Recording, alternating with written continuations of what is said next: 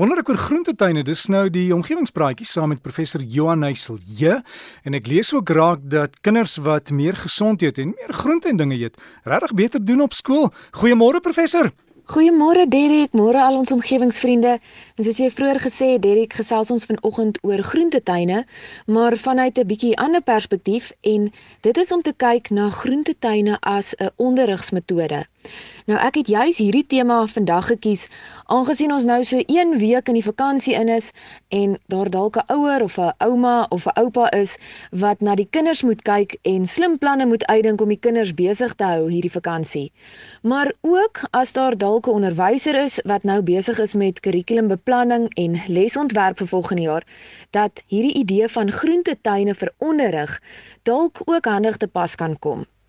Nou Derek, hierdie idee van groentetuine vir onderrig word in Amerika toegepas deur 'n organisasie genaamd Food Crops, waar hulle die groentetuin gebruik as 'n klaskamer en as 'n handboek.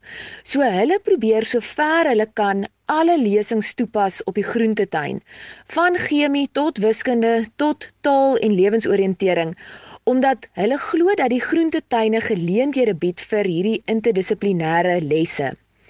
Dit bevorder nie net goeie voeding en oefening nie, maar verbeter ook kinders se gesindheid oor die omgewing as ook hulle geduld, hulle verantwoordelikheid en spanwerk.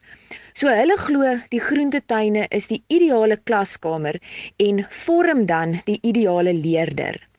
Nou die skooltuinbeweging is nie regtig iets nuuts nie. Dit kom al vanaf die tyd van die Eerste Wêreldoorlog, toe skole gepoog het om voedselvoorrade te verhoog.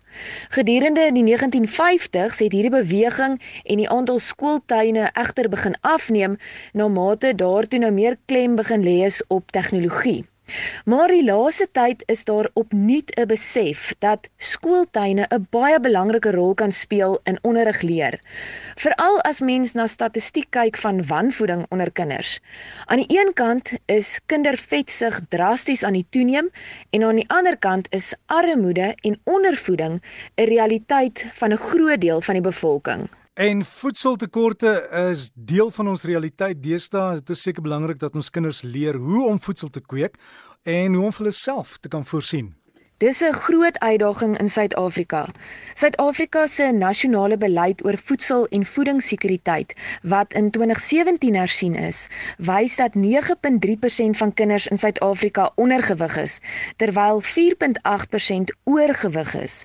So bykans 1 uit 5 kinders in Suid-Afrika het 'n voedingverwante probleem.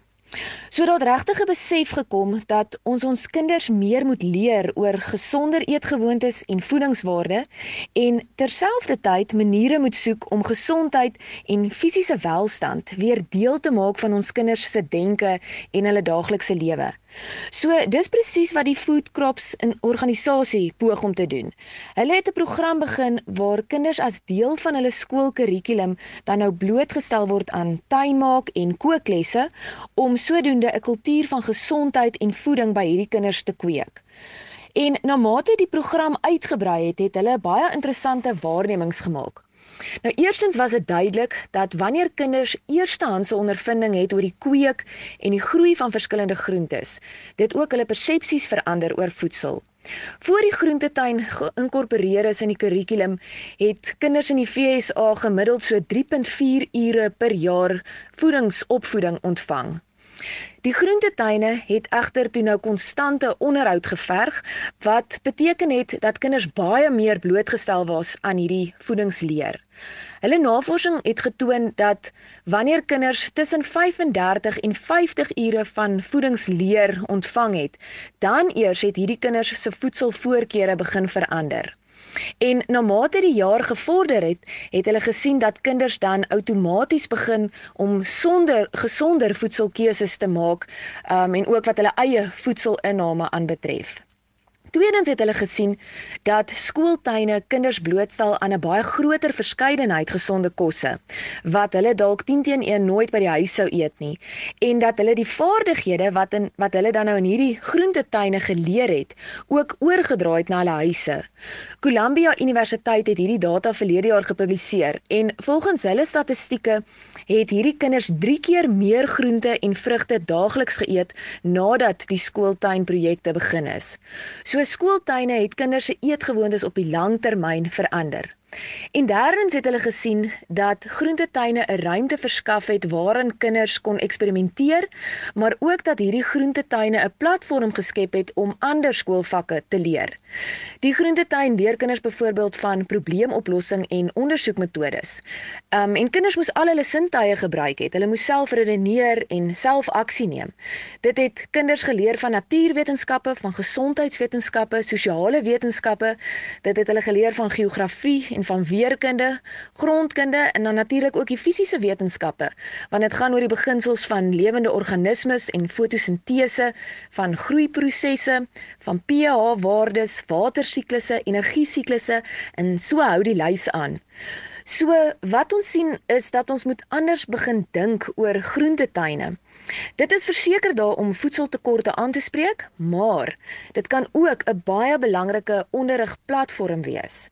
As ons groentetuine kan deel maak van ons skool se kurrikulum, kan dit regtig 'n enorme impak maak op ons jeug en ons toekoms. So die ouers, oupas, oumas help kleinkinders om daai groentetuin te begin en juffrouens en onderwysers beplan slank hoe jou skool se groentetuin gaan lyk en deel gaan uitmaak van die klaskamer van 2019. Ek stem saam, Derry musiek en my groen gedagte sluit vandag aan by die visie van Food Crops wat sê Ons moet 'n toekoms skep waarin al ons kinders, ongeag klas, ras of geografie, weet wat gesonde kos is en waar dit vandaan kom en dit elke dag kan eet.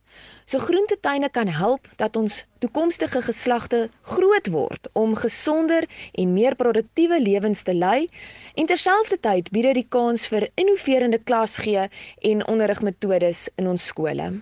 En dit dan professor Jonas Lee van Noordwes Universiteit met ons omgewingspraatjie. As jy wil e-pos is omgewingspraatjies, die meervoud omgewingspraatjies by gmail.com. Daar's ook die Facebook bladsy en dis omgewingspraatjies gaan hou van die groep. Kry inligting daaroor, jy kan ook jou idees daar plaas en dan kan ons in die toekoms daaroor gesels.